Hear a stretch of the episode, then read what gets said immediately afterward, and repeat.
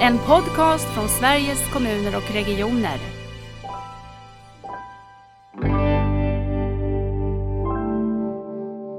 Vad kan hända om vi stärker dem då hos en person? Att den får känna sig inkluderad så kan de här riskfaktorerna också förbättras.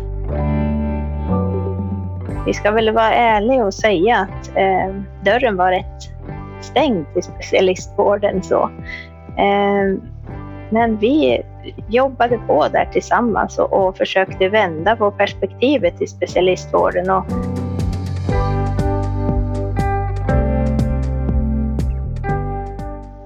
Det pågår mycket arbete inom nära vård för att bättre möta behoven hos barn och unga.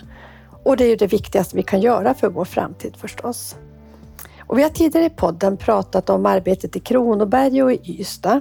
Och idag ska vi få veta mer om hur man arbetar med hälsofrämjande insatser tillsammans med barn och unga i Ånge.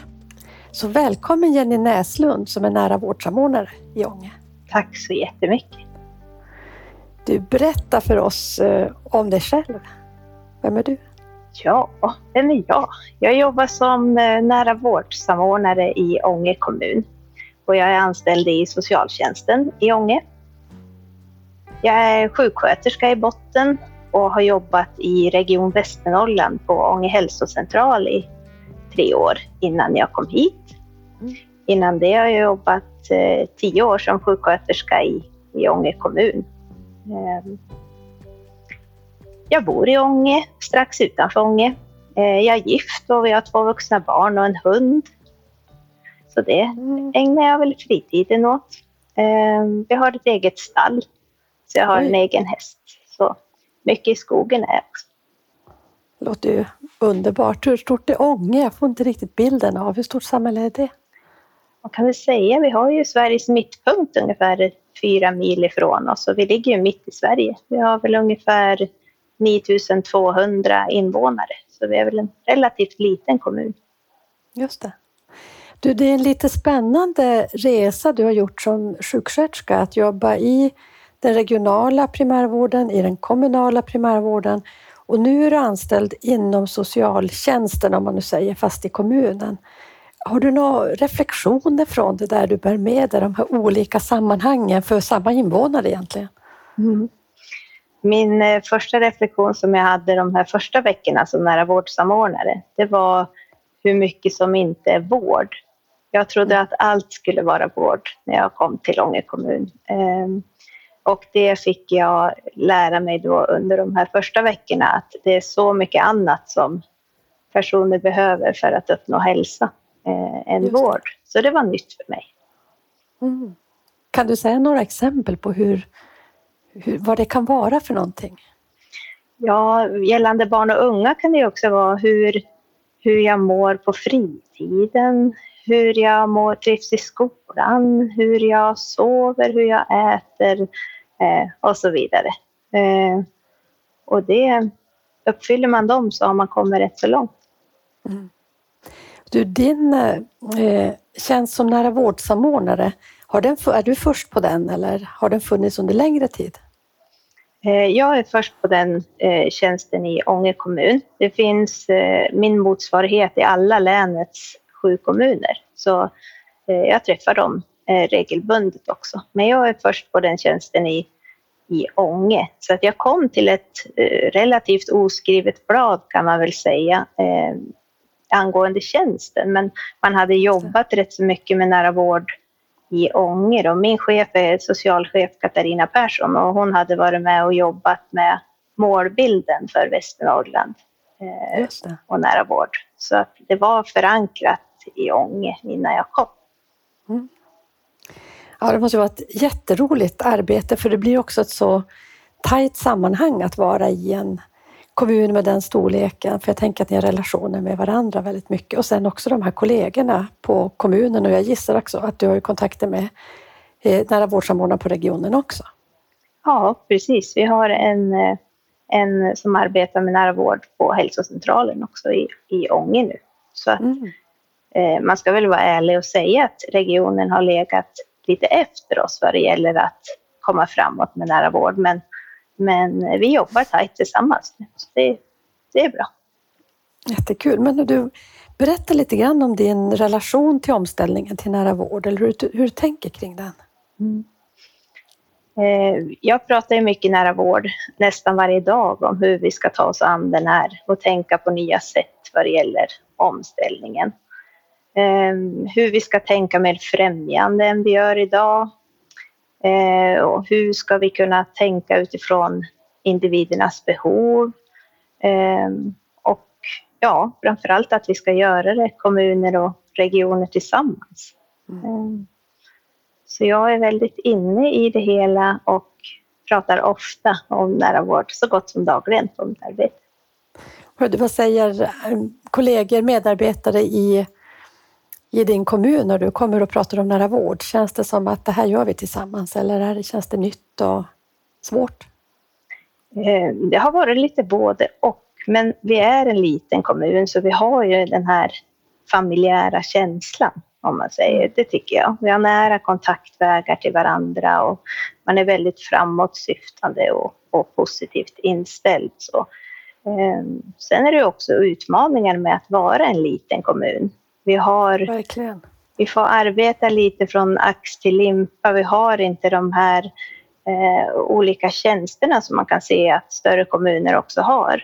Eh, det är en utmaning för oss i sig. Mm. Men Tänker du tjänster som jobbar med olika typer av utveckling eller tänker du tjänster mot medborgare? Vad, vad jag tänker till exempel, ett exempel kan vara demokratisamordnare har vi inte i vår kommun, vilket betyder då att vi får, vi får arbeta i alla fall och, och använda de resurser som vi har. Men det, man tänker ofta att styrkan är att vara en liten kommun, men det är också en, en utmaning att både mm. jobba strategiskt och operativt. Mm. Ja, verkligen. Du ska prata om ert arbete med barn och unga och det ser jag jättemycket fram emot. Men innan vi går in på det, gör ni också arbeten som har andra målgrupper från din kommun eller har ni valt just barn och unga som ett, ett fokus så här långt? Vi arbetar ju också med eh, alla åldrar, men vi valde ett fokus på barn och unga i, när jag startade hösten 2021. Och det var väl mest för att, eh, ja, att börja i någon ände, om man säger, och testa. Mm. Det är så viktigt ändå att börja i och jag tänker också att som du säger, det är så många olika aktörer. Börjar man jobba med barn och unga så, så ser man ju verkligen olika aktörer som spelar roll för barn och ungas hälsa. Men ta oss in i, i ert arbete. Vad är det ni gör i Ånge kring barn och unga?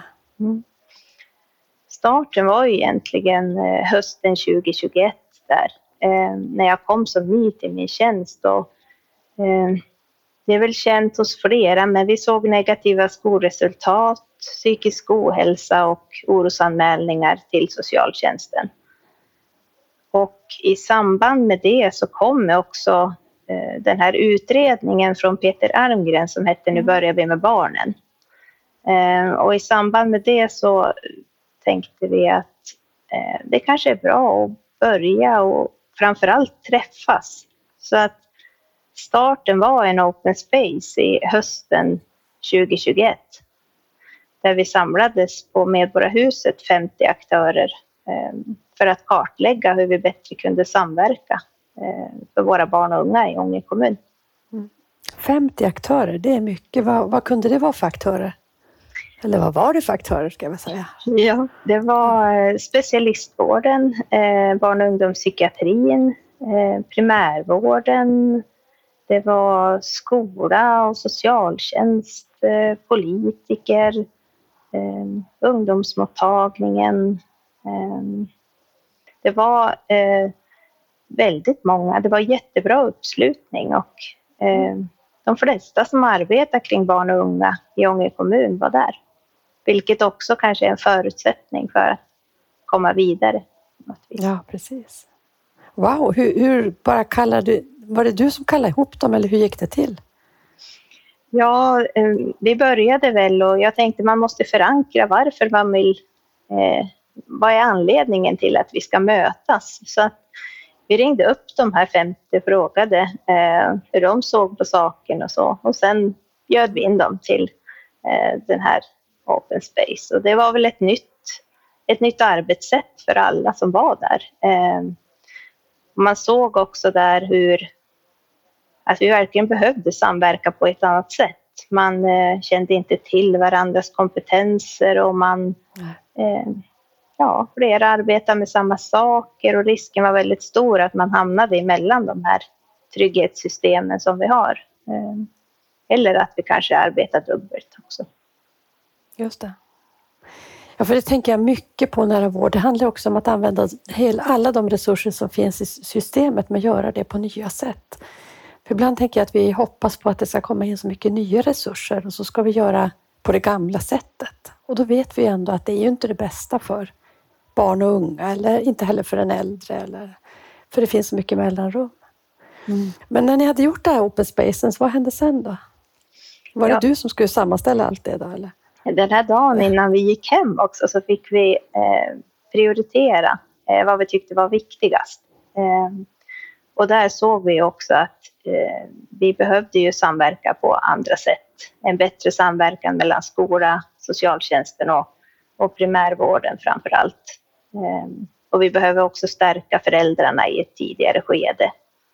Mm. Eh, sen var det också en eh, tjänstedesigner med på det här, eh, den här dagen som sa till oss att det är jättebra dag men det saknas en sak och det är barnen. Just det. Så att då fick vi också med oss det, att på något sätt behövde vi... Eh, så vi fick smälta det på någon, våran kammare här en, en stund efter. Eh, men sen fortsatte vi. Vi besökte skolor. Eh, vi träffade 140 elever eh, på Ånge kommun, så gott som alla skolor. Och vi intervjuade elever i fyra, åldern 4 till 16 år. Oh, wow. Och vi ställde frågan, eh, vad gör du på fritiden? Eh, vad gör du när du mår bra? Eh, om du skulle börja må dåligt, vet du vem du ska vända dig till? Mm. Och det gav oss ju också nya insikter som vi tog med oss då, framåt. Vad var det? Vad var de starkaste insikterna? Ja, en av dem var väl att många har någon att vända sig till. Om man tänker sig mamma, pappa, mormor och andra. Eh, men många har det också inte. Eh, och det berättar de ju för oss. Vi fick ett gediget material på en jättekort tid där. Eh, så att på något vis fick vi också bekräftat det vi hade nyss prioriterat. En annan sak var också det här med skydds och riskfaktorer. Mm att samma person kan säga att man eh, trivs i skolan men att man inte känner sig inkluderad eh, och delaktig. Vilket betyder att man inte bara kan titta på personen i sig utan man behöver titta över varje situation som unik. Det. Eh, och det har också följt oss. Eh, en tredje del var ju också fritiden, hur pass viktig fritiden egentligen är. Att fritiden är lika många timmar som skolan och den behöver också fungera med de vardagliga sysslor. Mm. Jag tänker på det här med fritiden och att koppla ihop eh, vad som skapar hälsa. Tycker du att det var svårt att se aktörer då som kanske har sitt professionella utrymme i, ja, i skolan under skoltid eller vården när man är i vården, att också tänka ja men det här med helheten, där har jag, spelar jag också roll. Mm. Eh, vi gjorde en eh, kartläggning eh, ganska tidigt i arbetet där vi ritade upp vilka aktörer som behövs. Och där såg vi ganska direkt att vi behövde inte bara socialtjänst, skola, primärvård, vi behöver också kultur och fritid och folkhälsa.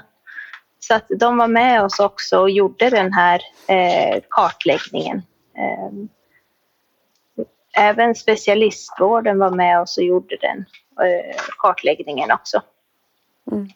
Och det man kunde se på den kartläggningen var att i Ånge kommun eh, finns det ungefär 50 olika aktörer som samverkar kring barn och unga.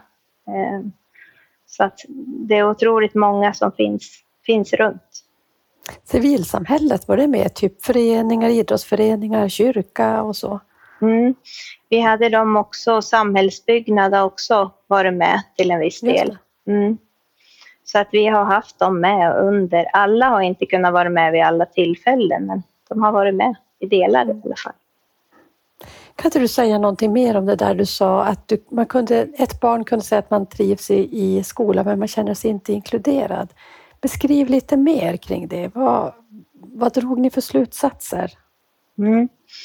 I samband med det här så eh, visade vi också den här bilden för hon som är tjänstedesigner då har ju som ett nätverk också så hon tog med sig den här bilden och, och visade den hur det kunde se ut eh, i Ånge.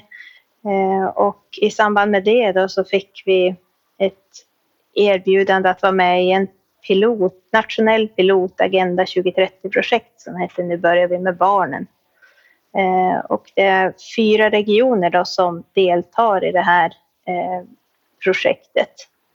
Eh, och huvudsyftet med det är egentligen att eh, försöka vända på perspektivet att tänka mer främjande än förebyggande. För det, mm. när vi tänker på det förebyggande så har vi ofta bestämt oss för att någonting är friskt eller sjukt. Men när vi tänker främjande så är det vem som helst eh, som vi behöver tänka främjande för. Eh, och det har vi väl fått lärt oss nu när vi har varit i den här piloten att försöka vända på perspektiven och, och titta på de här skyddsfaktorerna. Att vad kan hända om vi stärker dem då hos en person? Att den får känna sig inkluderad så kan de här riskfaktorerna också förbättras. Eh. Just det. Jag tycker det är också så intressant det här att ni har kopplat ihop ert arbete med det här arbetet med, med Agenda 2030. För att precis Västernorrland har ju dels varit eh, pilotlän i vårt hälsolabb som Nära Vård har haft och det är där också vi fick till tjänstedesigners och så.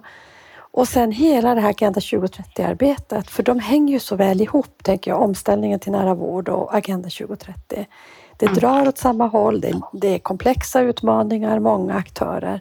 Så jag tycker mm. att det känns så himla berikande att ni har eh, kunnat göra det på ett så eh, bra sätt och att ni kom med i det här arbetet som mm. Agenda 2030 har. Mm. Ja, det har stärkt oss och det har ju framför allt också gett oss lite nya perspektiv. Det ger oss nationellt perspektiv också. Man får mm. se lite grann hur man arbetar i, i de andra regionerna och vissa har ju kommit längre än vad vi hade så vi liksom utbyta erfarenheter med dem också. Just det. Ja, men berätta vidare, hur, tog, hur, vad hände sen då? Efter de här kartläggningarna och ni hade lite på bordet? Mm. Då gjorde vi en, eh, det finns ju också en undersökning som heter eh, LUP-undersökning som man skickar ut till ungdomar. Så att vi, vi la den också, svaret på den tillsammans med de här intervjuerna och den här eh, kartläggningen då. Ehm, och vi tittade om vi kunde identifiera eh, arbetsområden eh, där också. Eh, och vi presenterade det då för ehm, politiker också här ehm, i Ånge.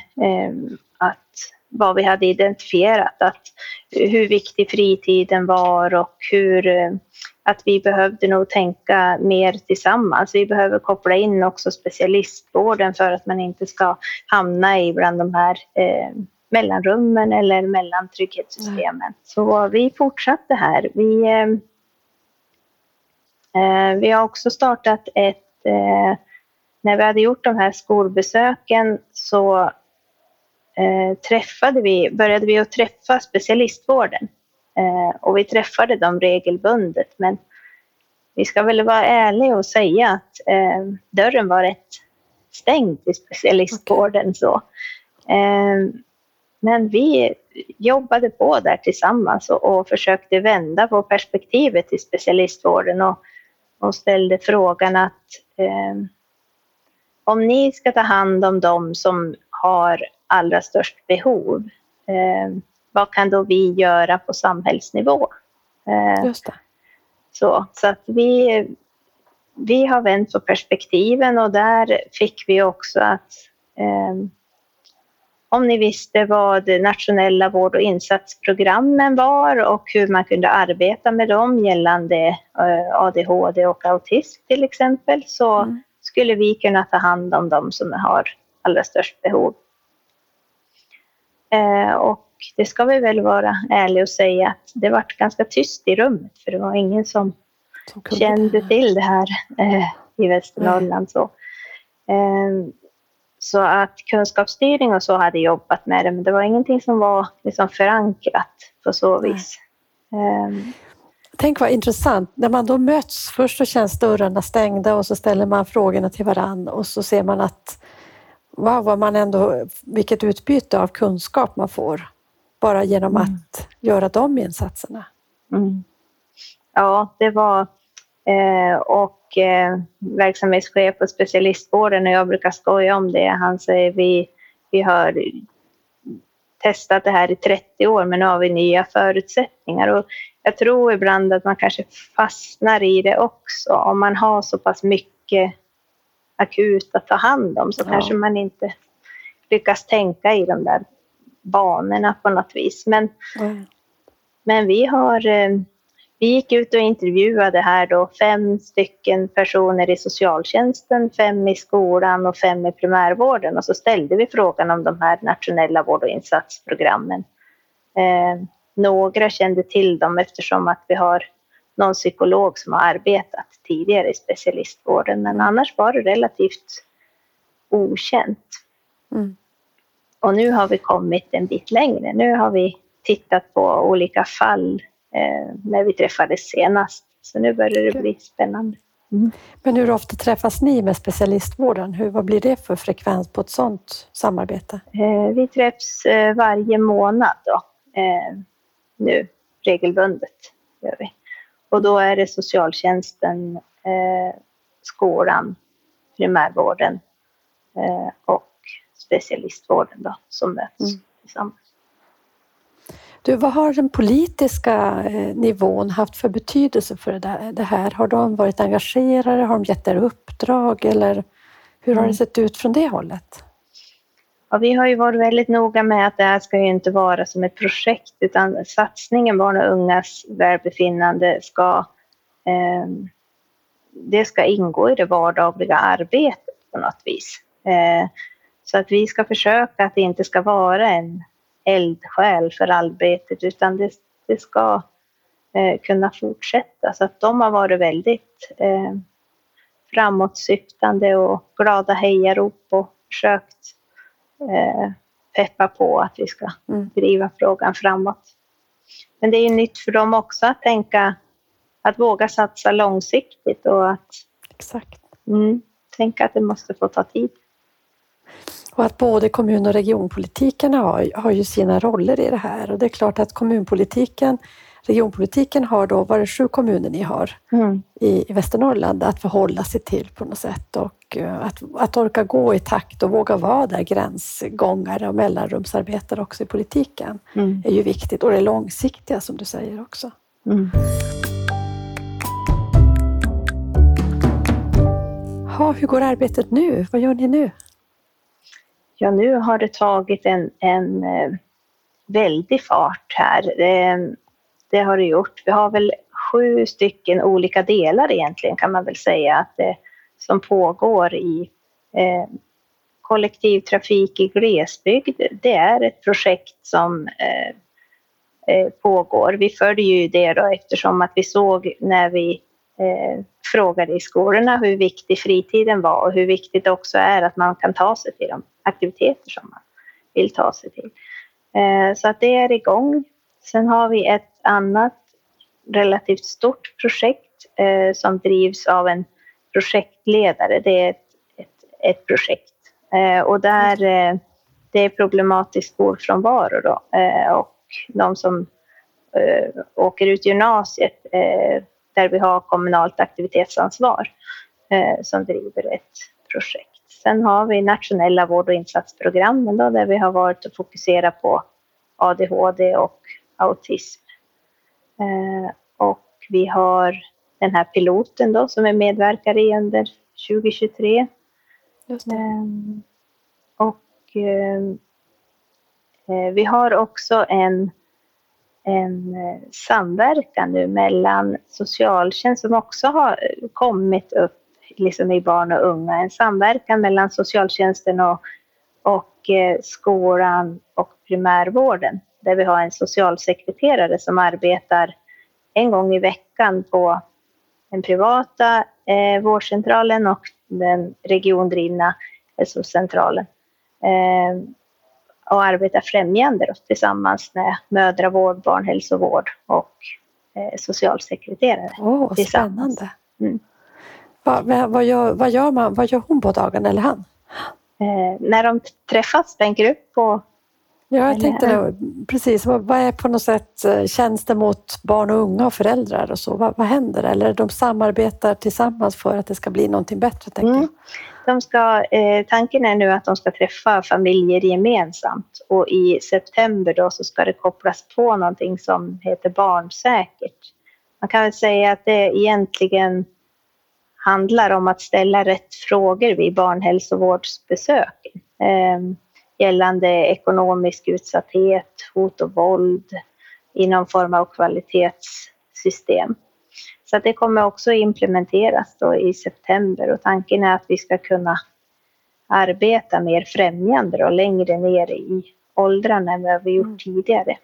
Och i samband med det här då så har vi också bildat ett barnhälsoteam eh, som består av två psykologer, en logoped eh, som arbetar främjande i skolan och ska börja mm. arbeta ända ner i förskolan då, främjande. Så ja. Det... Men vad spännande. Och var finns de anställda? Har ni så här, blir det diskussioner om är det kommunens medarbetare, regionens medarbetare och kan man jobba i, i en, annan, en annan del av organisationen som man själv inte är anställd i? Eller hur tänker ni där? Mm. Skolan eh, hade ju har faktiskt gått före för att de såg behovet av den här logopeden så att de har helt enkelt anställt i skolan eh, en logoped och två psykologer. Eh, så att det, ja, satsningen med barn och unga har tagit fart kan man ja, verkligen. säga. Mm. Tänker du att det här välbefinnande hos barn och unga, det blir som paraplyet över alla de här olika satsningarna? Mm. Är det så du tänker och ser från ditt håll, från nära vård och omställningshållet? Mm.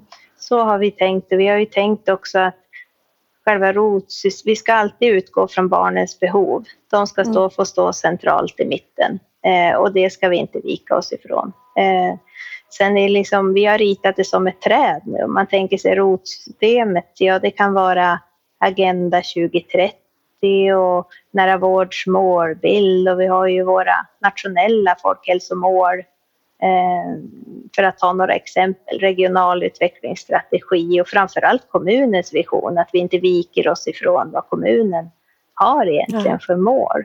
Och ur det här då i trädkronorna så har det då bildats olika delar utifrån våra intervjuer och kartläggningar. Och, eh, så vi har försökt att illustrera det på det viset. Och, Mm, klokt, jag ser det framför mig, alltså ja, bilden framför mig när du beskriver. Du, har ni någon möjlighet att följa upp? Hur vet ni att det här blir bra? Vet ni det? Går det på något sätt? Att... Eh, ja, vi har pratat mycket om det här med att följa upp och tanken är väl att vi ska ut nu igen till, till skolorna och vi har också när vi har haft någonting med en workshop till exempel så har vi använt oss av att vi har följt upp med dem i efterhand och skickat ut så att de själva har fått beskriva hur det har, hur det har varit och medverkat. Och vi har även haft med oss ungdomar till eh, piloten i Stockholm på workshop. Har mm. ungdomar mm. följt med oss dit och, och, och, fått reflektera över hur det känns att vara i sådana sammanhang. Så vi, Jag tänkte just det, får de barn och unga som ni har haft kontakter med, får de återkoppling? Får de veta att det här blev, när ni kom med de här idéerna eller de här tankarna eller beskrev era behov, mm. så har vi gjort det här. Kan mm. man ha någon sån loop tillbaka eller? Vi har ju haft, eh, efter vi var ute i skolorna och intervjuade så har vi haft eh, några fler workshop och bland annat en till Open Space. Och där bjöd vi då in eh, barn och unga, deras föräldrar. Då tog vi med oss den här bilden då, som jag beskrev med risk och skyddsfaktorer mm. och frågade, känner ni igen er i den här bilden? Vi har tagit bilden ifrån när vi träffade er senast och så. Eh, så att de har fått vara med. Vi har försökt att hålla oss till det, även om det är en utmaning att göra det. För processen kan ju ändras då, som sagt, och göra loopar tillbaks. Också. Ja, exakt. Det får man vara beredd på. Mm. Vad ser du framför dig framåt nu då? Ja, nu ska det bli spännande att se här hur eh, vi kan ta oss framåt med de här nationella vård och insatsprogrammen. Och vi har ju varit väldigt tydliga med att vi ska verkligen försöka att inte, inte bolla några barn och unga emellan våra verksamheter, utan vi ska försöka att lösa det vi kan helt enkelt. Eh, Mm. Mm. och titta på fler fall och det ska bli väldigt spännande. Ehm, sen eh, ska det bli spännande att följa de andra delarna också här och se. Ehm, så att det här kommer pågå, tänker jag. Ehm, det finns inget slutdatum. Nej, precis. Det blir som ett arbetssätt och ett sätt att tänka. Jag tänker inte det som är det viktigt att få till i den här vårdomställningen, att det är inte ett projekt som är avslutat vid det och det datumet, eller det är inte, utan man måste ju bära med sig tankesättet mm. framåt hela tiden. Man kan ju inte lämna det sen. Nej. Men ändå se resultat och kunna återkoppla att det blir faktiskt bättre och behöver vi fila på någonting för vi kanske inte tänker ut alla smarta idéer exakt på en gång, utan det lär vi väl lära oss under tiden också. Mm. Och du hämtat... Nej, förlåt, kör. Nej, jag tänker framför allt det här också att vi, vi är ju väldigt fast i våra stuprör så länge. Det är ju ganska bekvämt att krypa tillbaks dit när det börjar bli lite obekvämt. Sådär. Men eh, ja, vi har verkligen försökt och, så gott vi kan här och, och ta oss an de där komplexa eh, frågorna. Mm. Mm. Verkligen. Har du sett någonting, det kanske är svårt att svara på, men jag tänker det här utmanar ju också ledarskapet. Eh, att tänka att ja, men eh, mitt uppdrag är inte bara att försvara min enhet eller se till att eh, vi har en budget i balans, utan det är att verkligen tänka barnet och unga och eh, samverkan. Har du sett sådana diskussioner? Förs det? Ja, det tycker jag. Det, det förs ju väldigt ofta. Eh, de diskussionerna. Och det är ju en, eh, det är en, en, utmaning att få med sig eh, alla som verkligen man behöver. Och det är liksom en förutsättning också för att komma, komma vidare på något sätt. Och att, sen kan jag tro kanske, det här är bara en gissning, men att man att jag har med mig både regionen och kommunen i bagaget kan ändå vara en, jag tror att det kan vara bra, liksom så att man både har en förståelse för hur det är att arbeta i regionen plus att eh, ja, jag har följt en, en hel del barn och unga där också. Mm. Ja, det tror jag att du, det är verkligen så, det skulle jag säga, att du har en stor fördel där, att du har på något sätt båda eh, perspektiven med dig, för man blir ju trovärdigare på det sättet. Det blir inte hon som kom från regionen och ska tycka här i kommunen eller tvärtom eller så. Mm. Så det spelar ju roll. Sen kan det vara svårt vi... att stå kvar också, tänker jag. När, man, när det blir det här att man känner att dörren är stängd och man kanske inte når Eh, vart går då mitt ledarskap? Hur länge ska jag stå här eh, med dörren stängd då innan den eh, öppnas? Fast jag kanske själv vet att men det krävs ju ett mod också på något vis. Mm. En, en mod och eh, framförallt tillit från sin egen organisation. Men det tycker jag att jag har haft genom hela tiden. Ja, för jag tänkte det. Var får du din kraft? Vem är det som peppar dig att ja, det här är långsiktigt. Stå kvar när dörren är stängd. Hur, hur går det till? Jag tror jag har varit under de här, den här tiden har jag nog varit väldigt många gånger och knackat på eh, Katarina Persson, eh, min chef, socialchefs dörr. Mm.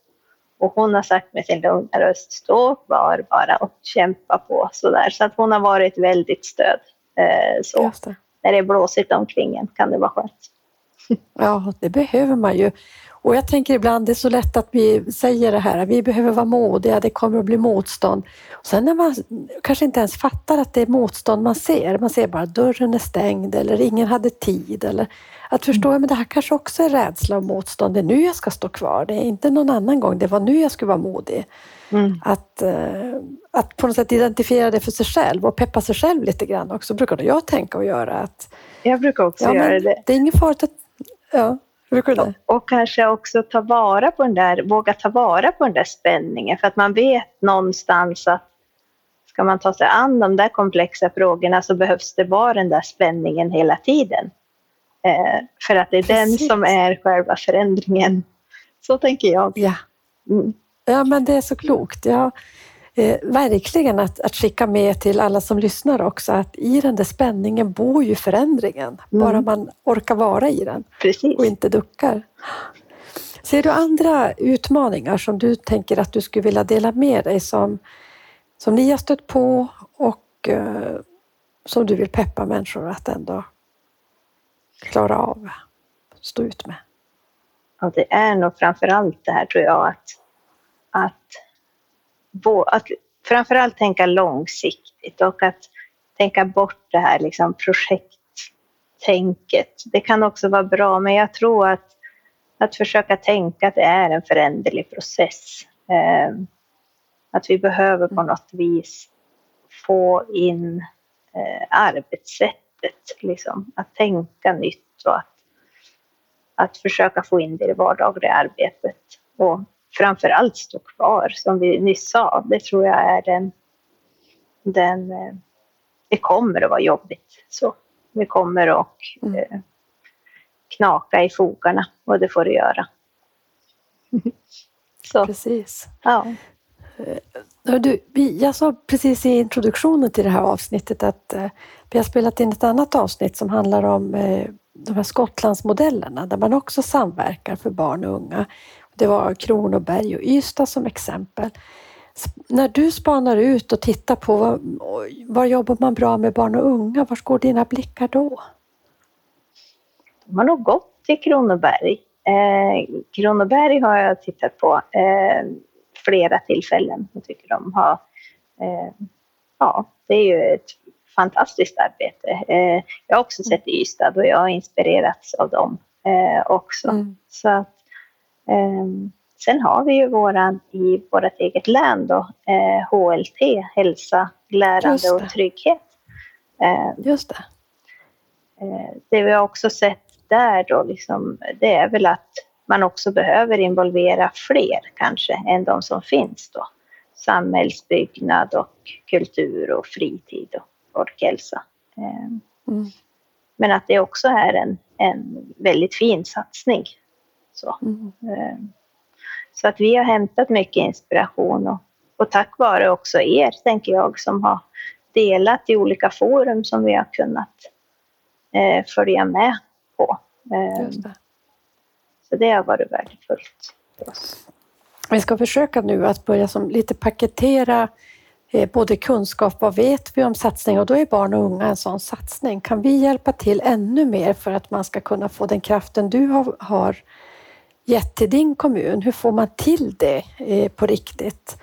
Och då blir också den här podden en viktigt sånt inslag, att, att kunna känna att ja, men så här gjorde ni i mm. Ånge mm. tillsammans med alla de här aktörerna, för det tycker jag är imponerande när jag lyssnar på dig, att det är så otroligt många aktörer och mm. glädjen tänker jag också från alla olika aktörer att se att jag bidrar till någonting bra för barn och unga i vår kommun och i vårt samhälle i stort också. Det måste ju vara fantastiskt.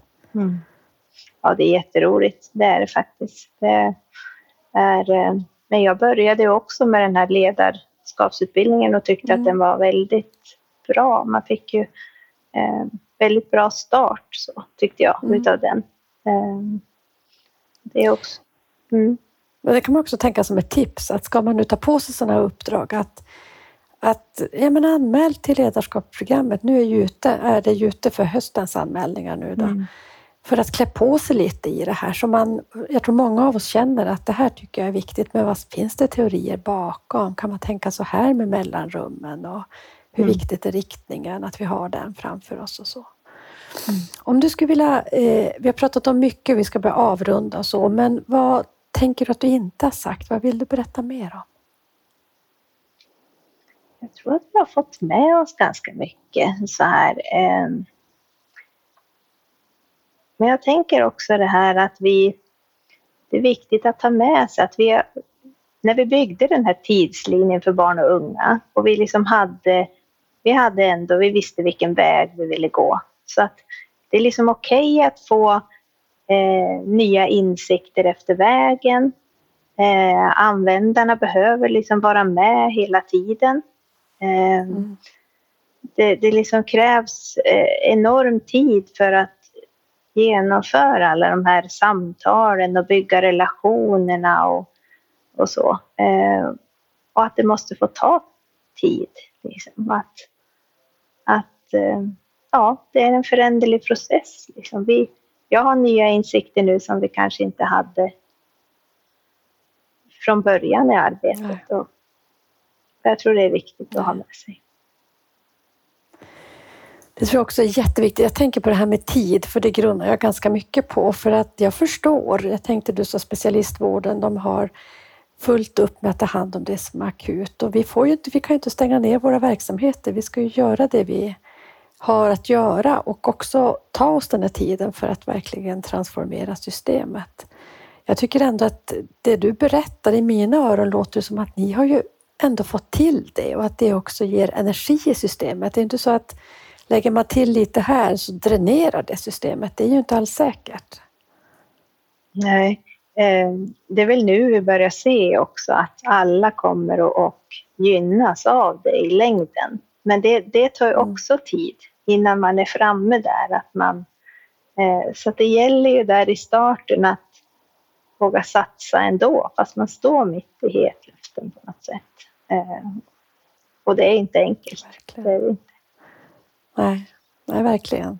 Och det har säkert också med olika typer av ledarskap i organisationen att göra, att man ändå säger, jo men vi gör det här, även om vi har fullt upp, eller nu tar vi den här eh, open space-arenan och eh, deltar, för där deltar så många och det kan hjälpa vår verksamhet och framförallt barn och unga. Mm. Jenny, eh, vad är nära för dig? Det är ju Nära vårdpodden-frågan. Vad är nära för dig? Mm. Nära för mig, det handlar nog mest om relationer ändå, tror jag. Um, det handlar inte så mycket om det geografiska, att ha långa avstånd till sjukhus, utan det handlar nog mer om den där känslan av att någon är nära. Att någon är mm. tillgänglig eller att den förstår mina behov eller att den lyssnar kanske framför allt. Ehm, så ja, det var kort om vad nära är för mig. Ja, jättefint. Tack så mycket och tack för att du var med i Nära vårdpodden och lycka till! Ja, men tack så Tålamod och ert skräva. Tack snälla för att jag fick få vara med. Eh, och du gör ett fantastiskt visst. jobb, så tack för det. Ja, tack så mycket. Och detsamma till dig.